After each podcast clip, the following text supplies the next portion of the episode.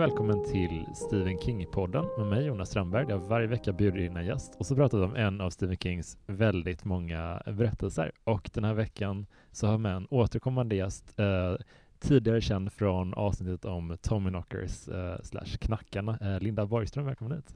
Hej, tack. Eh, tack för sist också. Vilken, eh, vilken omgång den boken fick. Ja, fast jag, jag, Men jag du var känner att jag än ändå, jag. jag försökte ändå ge lite kärlek. Jag känner en del kärlek för den. Ja, ja, men du var ju ändå lite så nyanserad minns jag det som. Eh, Jag så hoppas det. Ja, men kul att du ville komma tillbaka till eh, ett nytt avsnitt. Vad, hur, hur, har- vad har du haft för dig sen sist? Eh, ja, jag har läst Stephen King, till exempel. Mm, kul. Eh, jag tyckte att det var kul med just den här boken, för det är boken efter Mm, Tommy Knockers Mm. också. Men det är en helt annan bok. verkligen. Ja. Så himla annorlunda i. Ehm, men det är kul med hans böcker om författare. Det finns ju ett gäng sådana. Men om skrivandet tycker jag är när han går ännu djupare. När det, när det viktiga är liksom kreativiteten på något sätt. Eh, Ja, det precis. Det här är ju The, The Dark Half. Uh, kommer du ihåg vad den heter på svenska? Eh, alltså Stark, eller ja, Stark tror jag den heter. Just det. När jag, när jag läste den, jag kanske var 13-14, så tänkte jag nog att den hette Stark. Jag med. det tog ett tag. Jag, jag tänkte att det var två olika böcker lite. För jag, jag tror jag blandade ihop den med The Regulators och eh, ja, den som King skrev en del som Stephen King och en del som Richard Bachman. Jag trodde lite att det här var dem, men det var bara för att de hade olika titlar. Just men eh, ja, Ja, jag kommer ihåg eh, omslaget så himla väl också. Eh, att det var de här fåglarna på Mm. någon slags grå bakgrund. Ehm, och jag tror att jag läste den några år efter att jag läste Tommy Knockers och då gjorde jag inte någon koppling alls. Eh, när man var så här 12-13. mm. Eh, och nu så tycker jag att det är jättespännande. Eh, du- just med kronologin. det är så kul. Jag blir förvånad hur, eh, hur, hur tidigt folk läser King. Alltså, det, ja, eller hur? särskilt den här är ju väldigt rå också. Ja, den här är brutal. Men det, det är intressant för att det känns som att eh, jag läst några av Richard Bachmans böcker innan den här och eh, som är Stephen Kings alias om man inte har koll på den grejen. Han skrev under pseudonym i ett antal böcker och sen blev han typ outad-ish eh, av en person som hade gjort lite detektivarbete och kommit fram till att det måste vara du, Stephen King, som är Richard Bachman. Skickade ett brev till honom. eh, King hörde av sig och säger okej, eh, you got me. Ska vi göra en intervju? Och eh, den här boken är en, den utspelar sig efter, den första boken som utspelar sig efter hans outande som jag förstått det. Mm. det, det ja, jag tror det. Och då, um, den är väldigt färgad av liksom Kings relation till Richard Bachman, hans roll som Richard Bachman och perioden efter det, hur han, hur svårt det måste ha varit för honom att skaka den där karaktären ändå. Ja, det känns ju som att det är två väldigt stora saker i hans liv som sammanfaller. Mm. Eh, det här är liksom den första boken som kommer eh, efter att han blir outad som eh, Richard Bachman. Och man får ju en känsla av att det var liksom a blessing in the curse. Mm. Ehm, och sen så är det också den första boken som gavs ut efter att han har blivit ren. Mm. När han har, Just det. så att det är liksom två stora saker. Han, han Ja. måste liksom bli av med den här... eh, Den är, jag tycker den är väldigt eh, rörlig, väldigt stökig bok. Liksom. Inte stökig som att den är ostrukturerad, utan det, den är, händer väldigt mycket. Den är ett väldigt driv i den på ett sätt som det kanske är, är det, om man ska amatörpsykologisera, liksom att, det- att det är stora förändringar i ens liv på något vis. Absolut. Det känns som att det är någon slags eh, brytpunkt Mm. eh, åt alla håll och kanter. Ehm, jag läste på lite och det är tydligen så att han gjorde en väldigt mycket stora förändring i sitt liv som alkoholister som blir nyktra gör ofta, har jag förstått det som. Ingen egen erfarenhet. Men eh, han liksom bytte ut hela sitt team. Han, hans agent som han följde med ehm, till eh, agentens nya förlag, han backade på det och gick tillbaka till sitt gamla förlag med en ny agent. Han eh, sparkade sin eh, liksom, hans Alltså ekonomiska rådgivare. Ja, han städade upp liksom. Och Uff. det var massor med sådana grejer. Han Ja. slutade göra, innan gjorde han ju ett uh, nyhetsbrev för fansen Mm. som heter Castle Rock. Mm. Ehm, och det slutade han ge ut. Och det, det här är också det längsta han då hade mellan att två böcker Mm. gick. Så han började skriva den här efter Tominocracy, och sen gick det väl väldigt segt. Ja. Men man får ju en känsla att den är liksom skriven stötvis. Mm. Ja, men jag håller Eh, verkligen med. Och, och den känns också som en, som både en King-bok och en Backman-bok på något vis. Känner jag. Vill- du bara kort summera handlingen? Liksom? Vad, Absolut. vad är det? Vad, ja. Ja. Eh, den den eh, scenen jag kommer ihåg starkast, det är liksom öppningsscenen. Åh gud, ah. Den är fantastisk. öppningsscenen är kanske en av hans bästa tycker jag. Den är Den krokar tag i den Alltså verkligen. den är helt lysande. Det var typ den som i, i, det, ja, ibland fick mig hålla mig kvar, liksom driva framåt för att jag ville veta Vill du veta mer? mer om det där. Ja, eh, det är ju Thad eh, Beaumont, Mm. en 11-årig grabb. Ett riktigt douchebag-namn. Alltså. Visst är det? Eh, en 11-årig grabb som bestämt sig för att han vill bli författare. Mm. Han skickar in något slags manus till en tävling, Mm. vinner och liksom, hans mamma är superstolt. Mm. nålar upp det här priset på väggen och liksom visar upp för folk. Eh, men så börjar han få ont i huvudet. Eh, alltså blixtrande huvudvärk. Och de åker in till läkare och kollar upp det här och gör någon scan och visar att han har en hjärntumör Mm. som de ska operera bort. Och så öppnar de upp eh, huvudet på honom. Och Ah. det är alltså en av Kings bästa scener. Den är fantastisk. Ah. Där ligger ett öga och rycker lite grann. Det li- ligger lite tänder, det ligger lite naglar i hjärnan. Ja, fy fan alltså. Eh, Den, Och det är någon, någon bit till, ja, eh, någon liten örsnibb eller vad det ja. är. Eh, och det är liksom någon, någon av sköterskorna svimmar, någon kräks. och läkaren är liksom bara gnuggar händerna och bara det här är det Det bästa här är- som har ja, hänt i mitt liv. Än, äntligen något som händer den här jävla dagen. Verkligen. Rotat i så många hjärnor och inget som Det är också kul att det här sker ändå på typ 50-talet. Eh, Ja, precis. De säger att det är liksom inte... eh, de har liksom inte så bra koll på det här. Men eh, mirakulöst så går allting bra. Ja. Och som jag förstår det så berättar de inte det här för familjen. För att Nej. de tänker att så här, det, det, de behöver inte veta. Det här är Nej. liksom superobehagligt. Och då är teorin då att han i livmodern har liksom assimilerat eh, cellerna från sin enäggstvilling. Ja. Och de här cellerna har liksom spårat ur någonstans och börjat växa i huvudet på honom. Och jag, I puberteten. ja. jag läste lite om det här eh, för att jag bara kände det här får inte, det får inte förhållas, det får inte vara så här. Det är Att det, här ja, men det, det, det förekommer ju ibland, typ. Ja, Eh, ja, ish. Men eh, kropparna är, det var kroppar är ändå, konstiga. ja. Stephen King vet. Så det, det tyckte jag var, gjorde det ännu mera, att det låg så fruktansvärt nära sanningen också. Eh, men eh, ja, men precis. Och, Ja. Så operationen går bra eh, Ja. och eh, de lyckas plocka bort den här tumören. Ja, och han blir vuxen. Mm. Och han blir författare. Mm. Och han blir en, en hyllad, ganska smal men litterärt hyllad författare. Han blir professor i litteratur Mm. på något litet universitet. Och han eh, är, verkar väl hyfsat lyckligt gift. Han har två tvillingbarn, Just pojke och en flicka. Eh, och han har en pseudonym. Mm. Eh, han har en ond pseudonym eh, som heter George Stark. Mm. Och eh, alltså den här boken är ju lite som så hans eh, on writing, har du läst den? Han har Mm. skrivit en bok om att skriva Mm. böcker. Och det här är ju lite som så här on writing, men med ond bråd död och mord och skräck. och övernaturligt. Just Men det är ju verkligen eh, liksom hans tankar kring sitt författarskap väldigt mycket. Mm. Ehm, och jag tänker att om man har läst den på när den kom, eller sådär, för den var ju en väldigt framgångsrik bok när den kom. Mm. Uh, uppfattades som ganska omtyckt.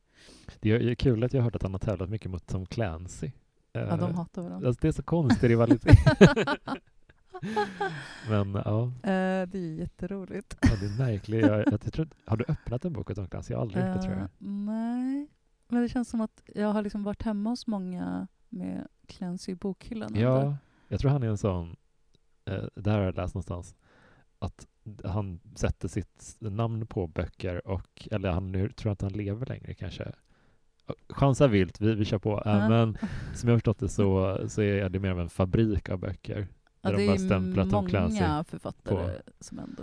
Eller det Ja. var liksom en så känsla av svek när jag var liten när jag insåg att typ Kittyböckerna. Ja, exakt. eller så Bröderna Hardy, Ja. eller så ungdomsböcker. Ja, Jag har inte tänkt det, Tvillingarna på Sweet Valley High, om man nu läste sånt. Det står ett, ett namn på framsidan och det är liksom sällan en riktig Det var person. fabriksnamnet. Det var fabrik. Jag kommer ihåg att jag var, vadå? Anses vi barn liksom inte förtjäna Usch, ja, det var sanningen? hemskt faktiskt när vi fick reda på det. Fruktansvärt svek från vuxenvärlden. Nej men och sen så ehm, blir det precis som för King själv så är det en person som bestämmer sig för att nosa reda på vem den här George Stark är. Och George Stark skriver så här riktigt kokainstinna 80-talsböcker. Mm. Om man liksom gillade mm, actionfilm på 80-talet så liksom, du vet att man liksom ser framför sig att det bara ligger högar med kokain och folk bara drar linor och bara Ja. ”toppen, det blir skittufft, tuffare, större muskler”. Eh, så det är liksom huvudpersonen heter Alexis Machine. Jag trodde typ att det var en kvinna först. Alexis, eh, jag tror att det är lite ett neutralt, Ja, könsneutralt namn. ja. Ja. Så jag blir lite såhär när de... Det hade varit ännu tuffare. Ja, faktiskt ändå. Men det är, det, är, det är en, jag tror det är en man i boken. Mm, det är en man. Ja. Eh, Alltså, det är sånt tufft 80-talsnamn. Ja. Alexis Machine. det är så Eh, dumaggressivt verkligen. Verkligen. De där böckerna. Till skillnad från verkligheten där Stephen King är mycket, mycket mer framgångsrik än sin pseudonym så är i den här boken så är George Stark den framgångsrika författaren och ingen bryr sig om de här höglitterära Nej, nej. verken Svåra. som uh, Thad Beaumont skriver. Ehm, men då är det en kille som bestämmer sig för att han ska luska fram vem den här George Stark är. Och hela det är liksom en liten deckare i sig nästan. Liksom Mm. alla vägar han tar för att klura ut exakt. Och jag gissar att det här bygger på sanningen. Ja, jag tror typ att de har, de har gjort honom till en mm, skurk mer i, i den här. Jag tror att i verkligheten så var det inte som att han hörde av sig och utpressade eh, King, utan det var mer att jag vet att det är du. Han gick inte ut och outade honom eller han krävde inte pengar, utan det var mer att jag tror jag har löst det här mysteriet nu. Mm, Okej, det kanske var lite schysstare. Men jag, jag var tvungen att kolla upp det också. typ Finns creepazoid. Ja, men jag var tvungen att kolla upp det finns någon antagonism mellan honom och den här eh, eh, mannen, men det verkar som att de har ganska, ganska god fot ändå. Ja, det var skönt Typ, att höra. Ehm, och sen så gör de en... ja, Men då bestämmer sig Thad och hans fru Liz för att okej, men det är kanske lite skönt att bli av med den här George Mm. Stark. Vi använder det här och så tar vi kontroll över narrativet själva. Precis, vi struntar i den här utpressningen och eh, så gör de en skenbegravning. Och Mm. här är det ju liksom det här med att eh, Stephen King är en människa som liksom skriver på lust. Han, han dödar inte sina darlings så mycket.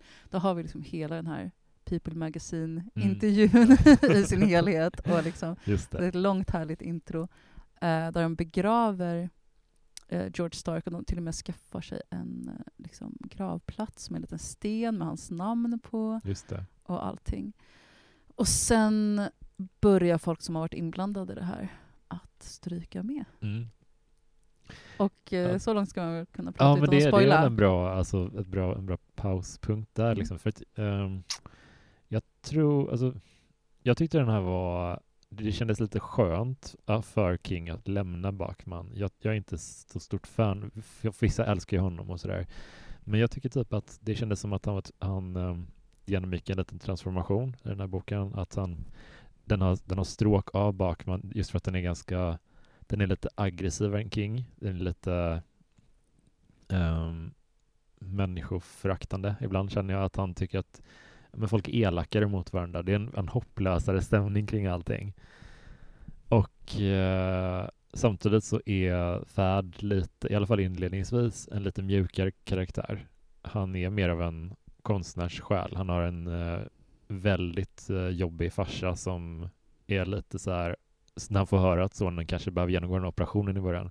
Första frågan är, kommer det kosta massa pengar? Han frågar inte liksom vad är hans chanser för att överleva eller sådär. Han är en ganska kallhamrad person medan mamman är betydligt mjukare. Så att man får lite båda sidorna där av, av King. Den mjuka King och den hårda Backman på något sätt. Alltså det här är ju verkligen en metaroman Ja, på enormt många sätt. jättemycket. Han, han parafraserar till och med stycken från um, vad heter, prologen, eller liksom den här introtexten till Backman Books, där han berättar så här, Why I was Backman, tror jag den heter. Just Det är liksom typ en sida nästan som är i stort sett lyft direkt varför han tog det namnet och så här.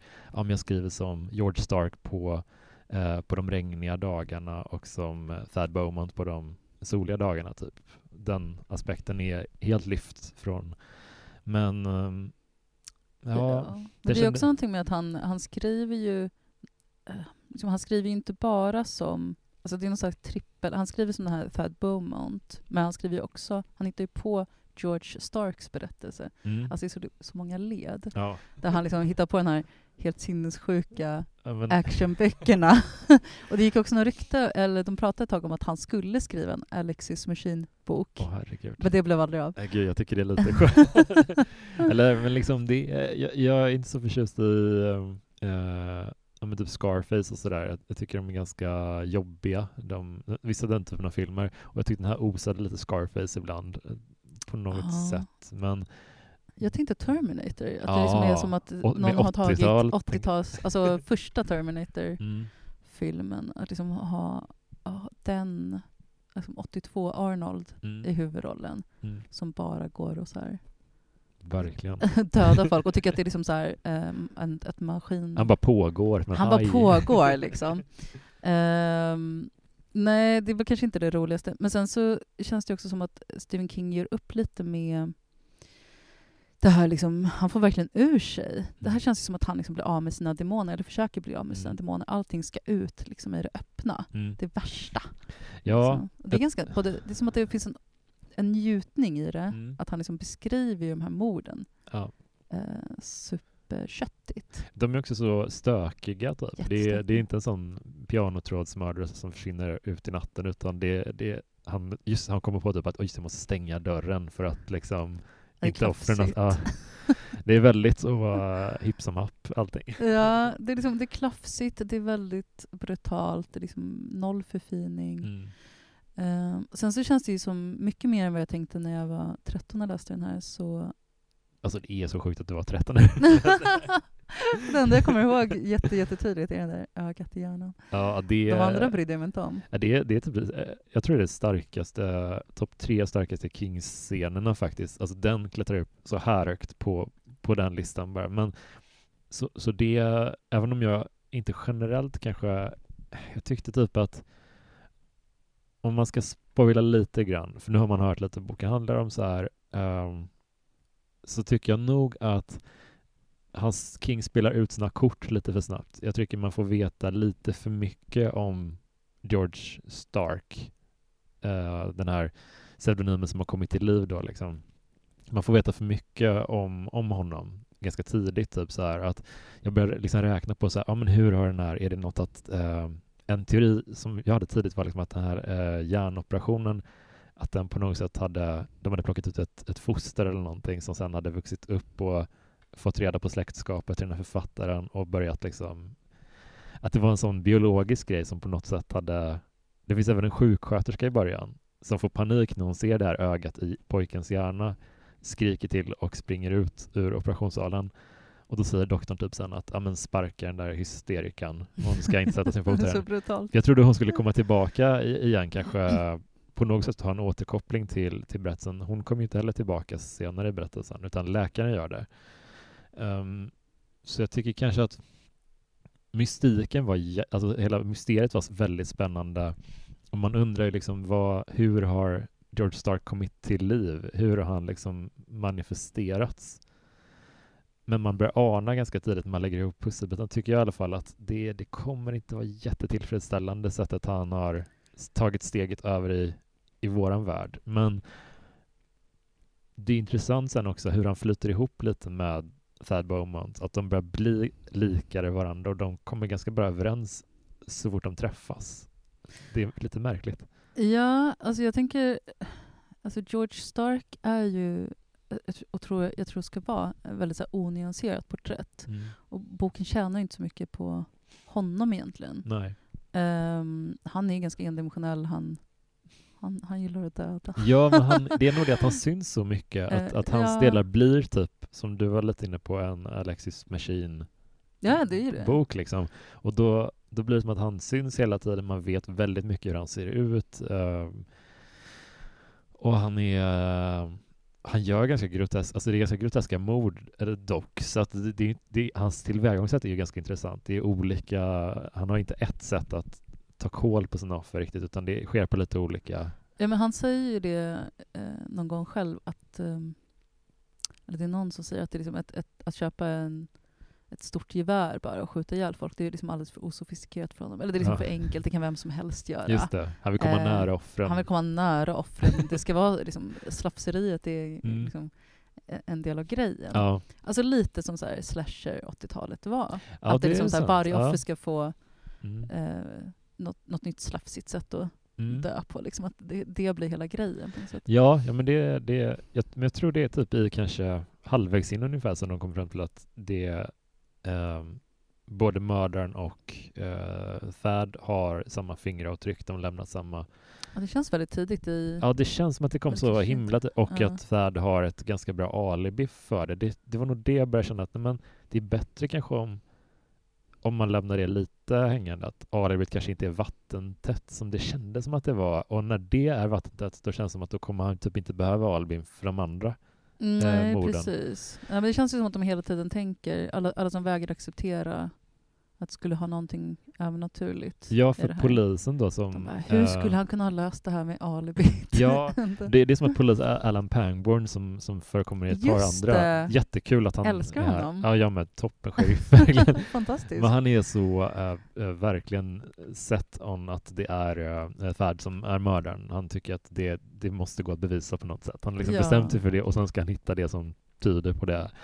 Så det är kul på ett sätt, men det finns också... Mm, ja, jag vet inte. Men jag tycker det är lite kul, för det, det här med just Alan Pangborn, för visst är det här första boken han i alla fall är så här mycket fokus. Mm. Och han pratar ju om att han eh, liksom dök upp efter att den förra sheriffen gick åt i en tidigare King-bok. Just det. Ehm, så nu är det Alan Pangborn i Castle Rock och jag tror att det liksom blev några Castle Rock-böcker till efter den här. Mm. Eh, så vill man inte ha liksom spoilat hur den här slutar så ska man ju inte läsa dem i fel ordning. Mm. de pratar ju Mm. om de olika fallen i de olika böckerna. Just det. Ehm, nej men, och han känns ju ganska...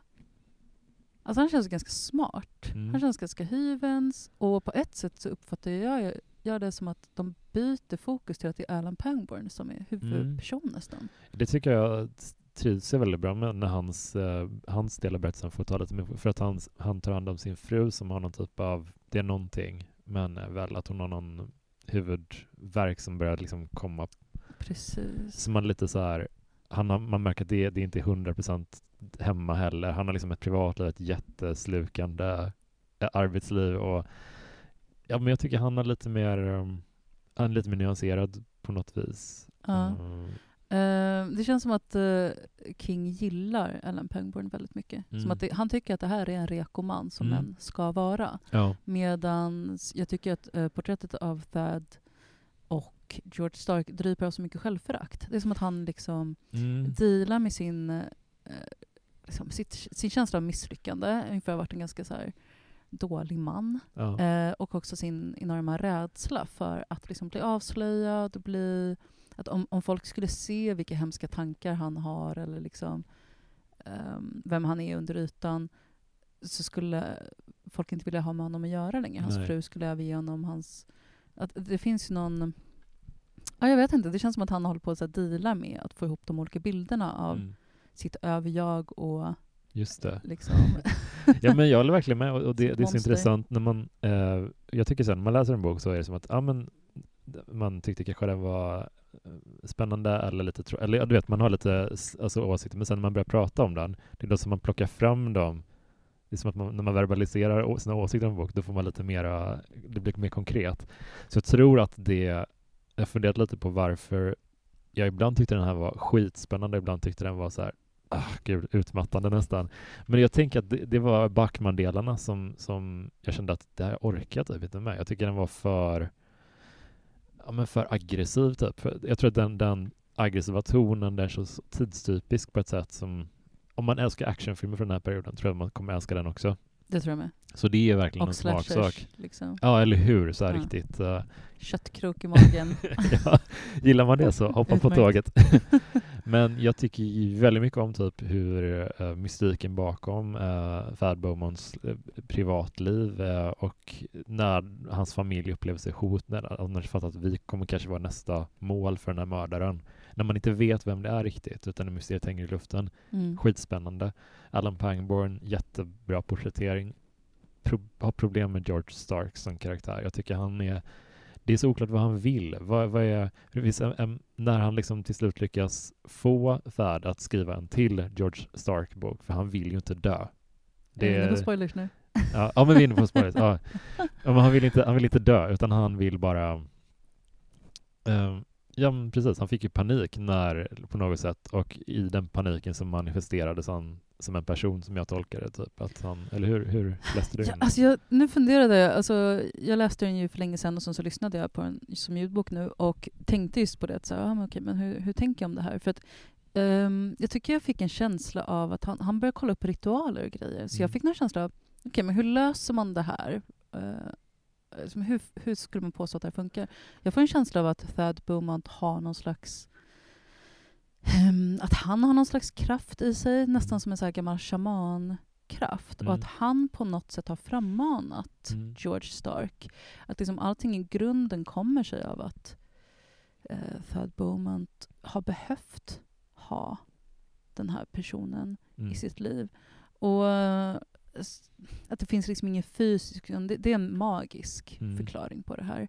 Det här är liksom fantasy, inte science fiction. Men det är så, jag, ja, det kanske är det också som när, man, när de planterar det här med ögat i huvudet och Mm. sådär, att det känns som kommer vara med sci-fi då. Ja, det känns som att de ska komma med Att någon slags här förklaring. Sen bara byter de spår och man bara...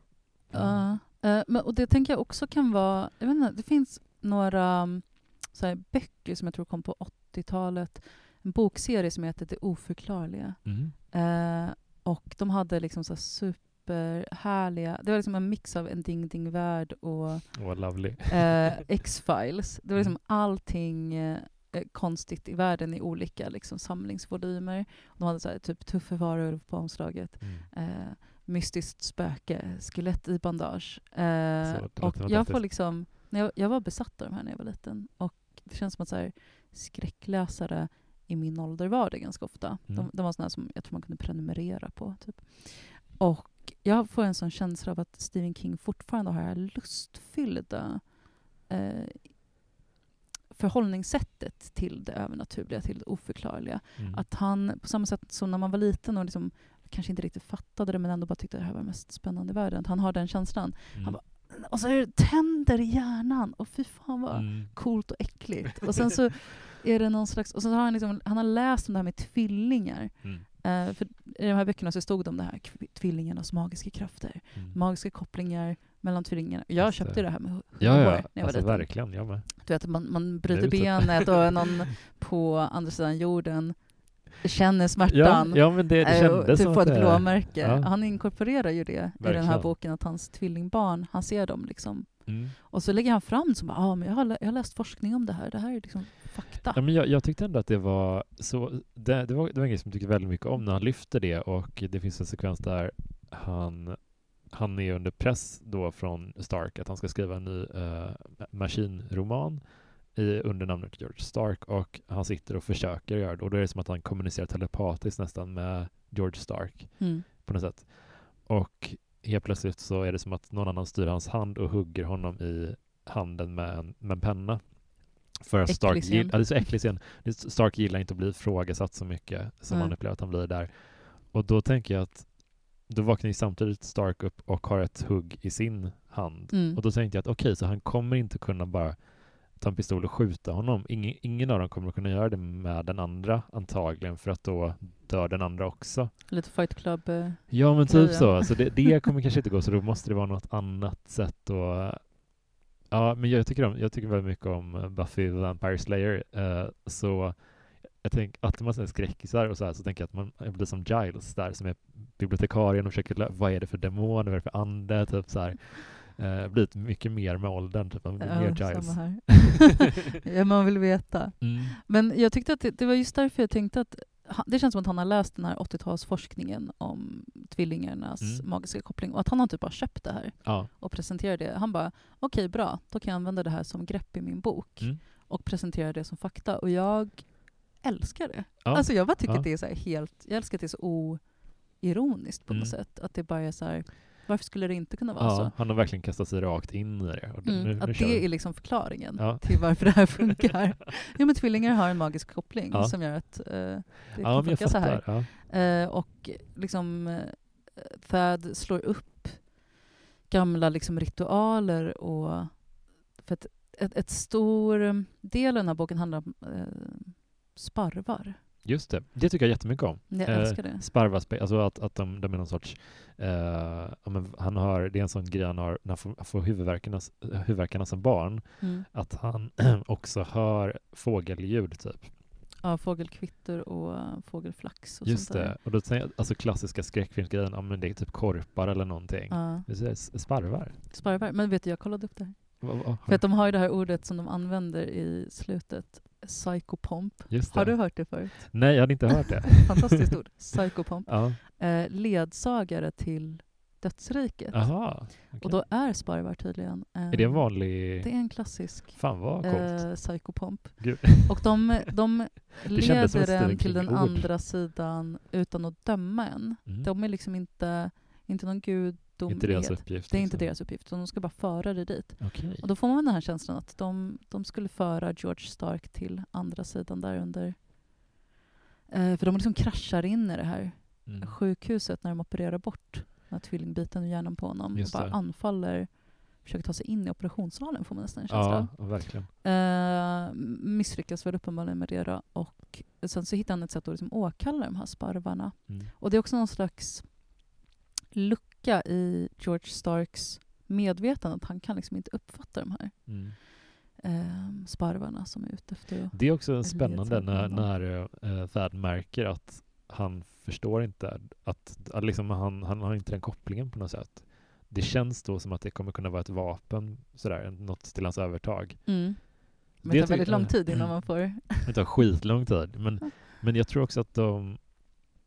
Visst är det när han skriver om, alltså skriver om, eh, när utkastet till den här texten, eller den här boken typ, att han nämner sparvar och eh, Stark förstår inte riktigt. Han ser inte ens att han skriver det. Nej, så Alltså, han, sitter, han tror att han sitter och skriver superbra. Ja. Eh, återigen här kokset bara ah, det här blir skitbra, Mm. för han är den bästa bok som någonsin har skrivits. Mm, mm. Och så kollar man vad det faktiskt står. Han bara sparvar, sparvar, sparvar. Ehm, coolt vapen, sparvar.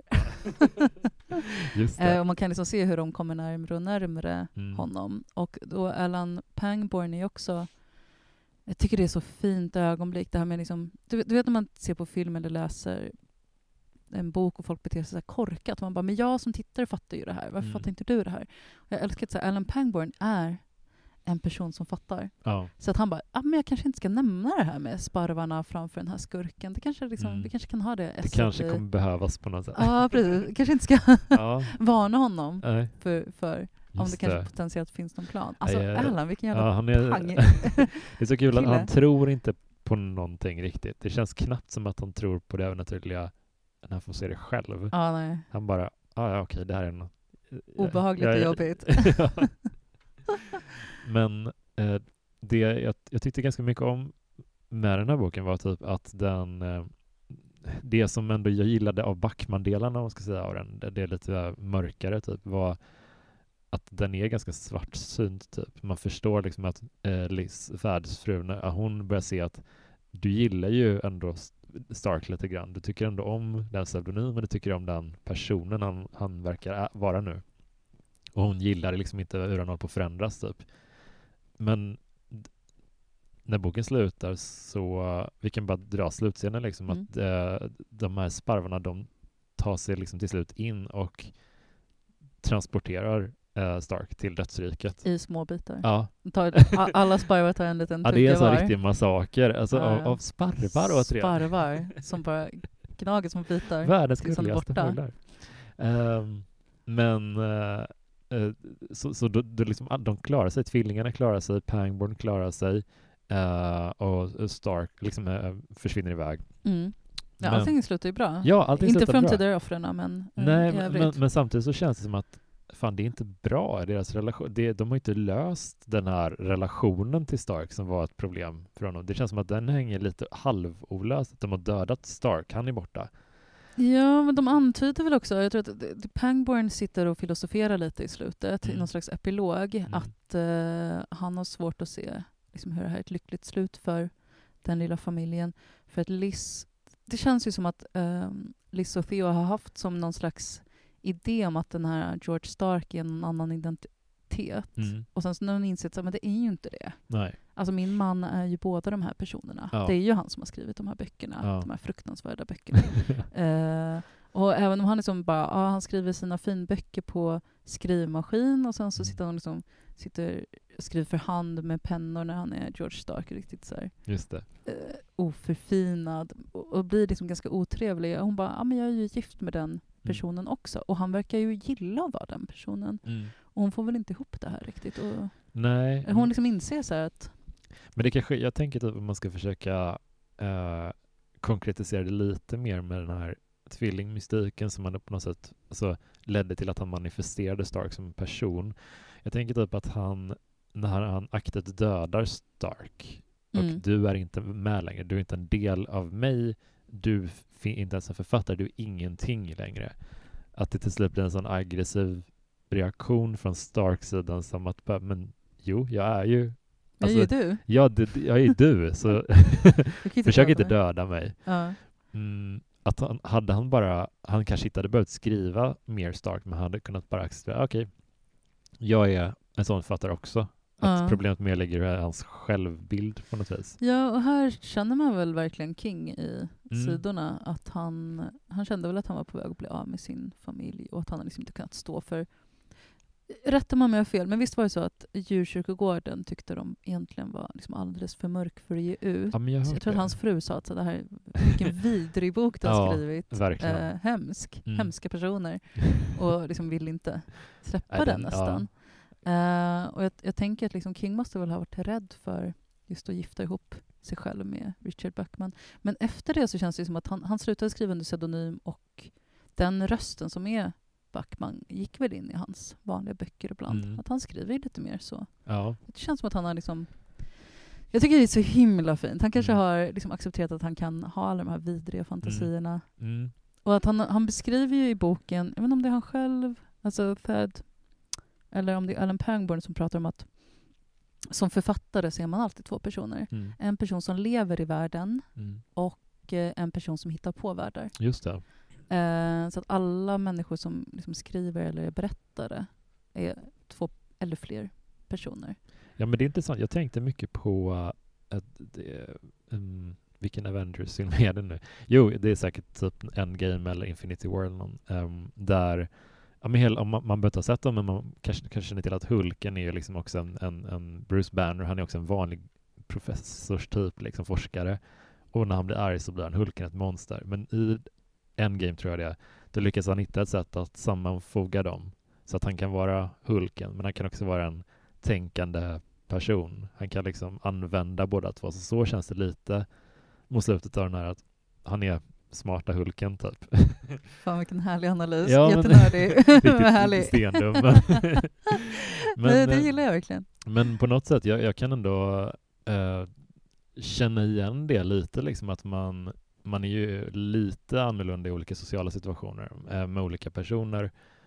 Men jag upplever lite att när, när man blir lite äldre, att man är lite med sig själv, man blir tryggare i sig själv. Att det handlar kanske också om ett sätt att växa in i sig själv och vem är jag liksom. Man förstår väl också att alla människor har avigsidor. Jag tror Mm. att man är liksom mer, jag hoppas det i alla fall, man är mer tillåtande mot sig själv och Mm. mer tillåtande mot andra. Men eh, jag, tr- jag tror någonstans att, att King har blivit...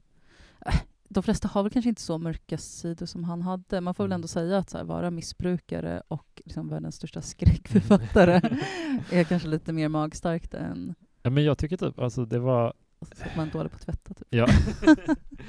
men en, en, en fin grej när man faktiskt eh, läser den, oavsett vad man tycker om den, eh, jag tycker det finns många bra styrkor med den, alltså den är väldigt, den har en väldigt behaglig prosa, liksom, att den flyter på väldigt bra, det är bra tempo. Men oavsett vad man tycker så tänker jag att man får ändå en förståelse för King. Den känns som en sån jävla vändpunkt för honom som författare. Att han är och jag tror jag börjar fatta lite mer varför jag gillar senare King lite mer än tidigare. Att, och att det kanske börjar här. Att det finns en, en macho-attityd som man inte riktigt har kommit underfund med hur han ska handskas med. Han, han är väldigt bra på att skriva kvinnor och, och flickor i sina, i sina böcker, men ibland får han ett ryck och skriver sådana riktiga machogubbar. Jag har svårare för dem, böckerna, och svårare för Backman. Men e-, efter den här så är det som att han balanserar det. Han har liksom sammanfogat dem och landat i ett jättemycket mer dynamiskt författarskap på något sätt. Ja, det håller jag med om. Men det är lite, lite flummigt. Men, ja. Jag tyckte att den här var också jättefin som liksom en, en bok om föräldraskap. Mm. Uh, alltså hur han beskriver sin inställning till sina barn. Det är inte en mm. jättestor del av det, men det, det liksom genomsyrar ändå hans liv. Verkligen. Det är liksom oron för barnen, tröttheten, att liksom, menar, ha två småttingar som han liksom bara beskriver olika faser. Också. Tvillingar. Och liksom hur de konstant eh, liksom är så helt orädda och bara kastar sig ut för trappor, kastar sig ut för ja. in i farligheter. Ja, men också och... att de, när, när Stark liksom tas in hos familjen, att de ändå är rätt fine med att han håller i dem. Mm. De tycker typ om George Stark. Ja, det är en del av pappa. ja, och Liz tycker typ att han är, han är ganska deformerad när han kommer dit. Han har liksom börjat förruttna lite. Superäcklig. Ja, riktigt. Men hon, hon nämner något om hans leende, att det är ändå något attraktivt med hans leende, säger hon.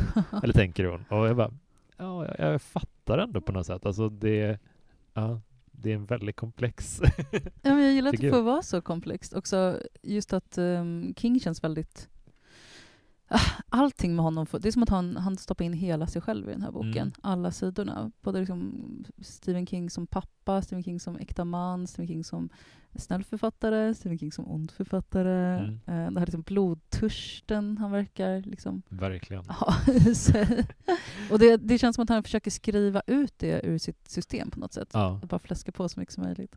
Men den blev ju film också, har du sett filmen? Uh, för väldigt länge sedan. Visst är det samma person som spelar uh, Thad och George. Är det så? Den. Jag tror det, det är Timothy Hutton. Timothy Hutton. Uh, Fast han är blond och är lite, har lite bakåtslickat hår i, när han är Stark. Ja, men så kanske jag tror det, är. Ja, liksom, det är som, så mycket King att man såg det när det kom, när det kom mm. 93 och liksom inte sett det sedan dess och jag blev så nyfiken på... Men jag vet att det är en ny på gång som är Uh, det är riktigt att den ska vara gender-swappad, vilket känns kul för att man har sett det, om, om man har sett den så har man sett den, men det finns i alla fall en version som är väldigt trogen, som jag minns det, romanen. Den är extremt så, han har sammanfogat okay. två karaktärer ibland, han har tajtat till lite, men i övrigt så är den alltså jättelik boken faktiskt. Okej. Okay. Men boken var boken har bet bättre ton känner jag kanske. Okay, att den ja. är mycket mer underhållande. ja, men för jag, jag, blev lite förvånad över att jag gillade den här så mycket. Mm. Um, jag, jag, tycker just att det är tempot är toppen. Mm. Och att det liksom bara är... Men jag, jag, tror att jag också kan ha gått in lite i att jag är liksom bara gillar Stephen King som författare. Mm. Att man liksom med alla hans fel och brister ja. så är det ju liksom bara en jävla härlig bok på något mm. sätt. Ja, men den är cool och det finns en, en grej jag tyckte eh, väldigt mycket om. Alltså, så när man tänker på det efterhand att det, det är en grej som känns väldigt, väldigt bakmansk med den och det är att jag tycker typ att det här är inte riktigt en spoiler för att det är någonting med vad som händer med Thad och med eh, Liz. Eh, deras öde nämns i senare böcker. Mm, två gånger. Ja, och det tyckte jag var så jävla snyggt för att man anar att det här, det är någonting konstigt med den här relationen som har börjat, liksom, det har börjat spricka nu. Men det, det lämnas ändå med att de lämnar ihop och de klarar sig. Men jag, visst var det Bag of Bone? Eller vilken var det som han, de nämnde först? Needful Things, så Needful pratar de om honom och då pratar de om honom som frånskild. Just det. Eh, och som Hon att han blev alkoholiserad tror jag. Typ. Ja. Och sen så i Bag of Bones så det är, en sån, det är ett sånt sätt att bara, ja, det blev så med den här andra karaktären. Ja. Det sker lite över axeln bara. Ja, uh, det, det, man får liksom en känsla av att Alan Pangborn bär med sig de här fallen. Mm. ehm, i Kings vidare universum på något sätt. Och det Mm. tycker jag också är härligt, att Mm. ingenting, ehm, att saker får lämna spår Ja. i människor. Ehm, och det känns som att han är väldigt medveten om. Och det, det är som att jag, jag blev liksom mer positivt inställd till Needful Things nu i Mm. efterhand på Mm. något sätt bara av att jag gillade den här så mycket Ja. och Alan Pangborn är med där med. Ja. Ja, men jag, Ehm. jag tycker väldigt mycket om Castle Rock-böckerna. Typ. Det, det känns som att alla eh, snackar bara om King som eh, i, i den bemärkelsen att han, han skriver ett universum och sådär så är det ofta Dark Tower som lyfts fram som exempel. Men Castle Rock-böckerna är ju, alltså, de är mycket mer grounded på något sätt. Att de är det här lilla samhället. Så, Ja, det känns ju som vår värld, ja, fast det, genom ja, Stephen Kings exakt. ögon. Det, det är mer som ett vanligt samhälle också. Derry är mer som helvetet på jorden. typ. Och så, vet du, Salem slott. Uh, Salem slott är mer helvetet på jorden. Men Castle Rock är mer en vanlig stad. Man kan se geografin framför sig och ja, jag tycker mer att det känns som en plats som man typ skulle trivas helt okej.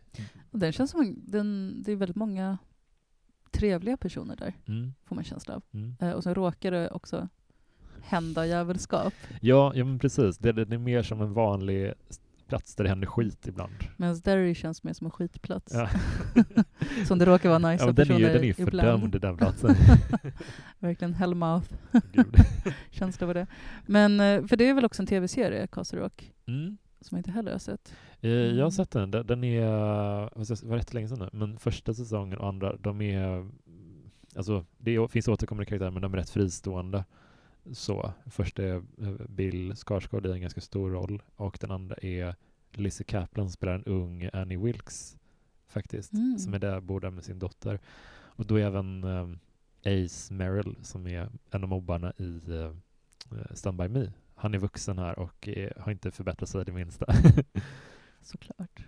Ja, gud vad härligt. Jag Mm. har liksom hållit mig från att titta på det här. Men det, nu... Ja men den är faktiskt bättre än man tror. Det, kän, det känns väldigt King på många sätt tycker jag. Den är lite, den är inte lika tight som King kanske brukar vara och inte lika jämn. Men säsong två tycker jag är ruggigt bra. Hon, Lizzie Kaplan är faktiskt, man tänker att ingen skulle våga stä, ställa sig i liksom hennes skor som Annie Wilkes liksom. alltså följa upp Misery. Men hon är faktiskt jätte, jättebra i den rollen. Ja, vad roligt. Eh, ja, Hon nej, skiftar verkligen. sin, Kathy Bates är på något sätt så ja men hon, perfekt. ja, Men eh, nej, jag, tänkte på det, liksom att någon måste ha suttit och läst de här böckerna och bara fan, Mm. det här är ju en hel mm, liten värld som man kan bygga verkligen. ihop. Eh, jag vet inte, det är kul med fans, så kreativa fans som gör egna saker av... Ja, alltså jag tycker också typ det är kul när man, ehm, när man inte vet exakt vad man tycker om, om en bok direkt efteråt. För att ja, när, det, när det finns både bra och dåliga grejer med den som man känner Mm. att eh, och det vissa Vissa som lyssnar på podden kanske tycker att det låter som att man bara ah, jag tyckte den var skitstörig och jobbig men det är bara för att man nämnde det också. Eh, Ibland är det också lättare att ha saker att säga om det man inte gillade. ja, exakt. Eh, Det kan på något sätt vara intressantare.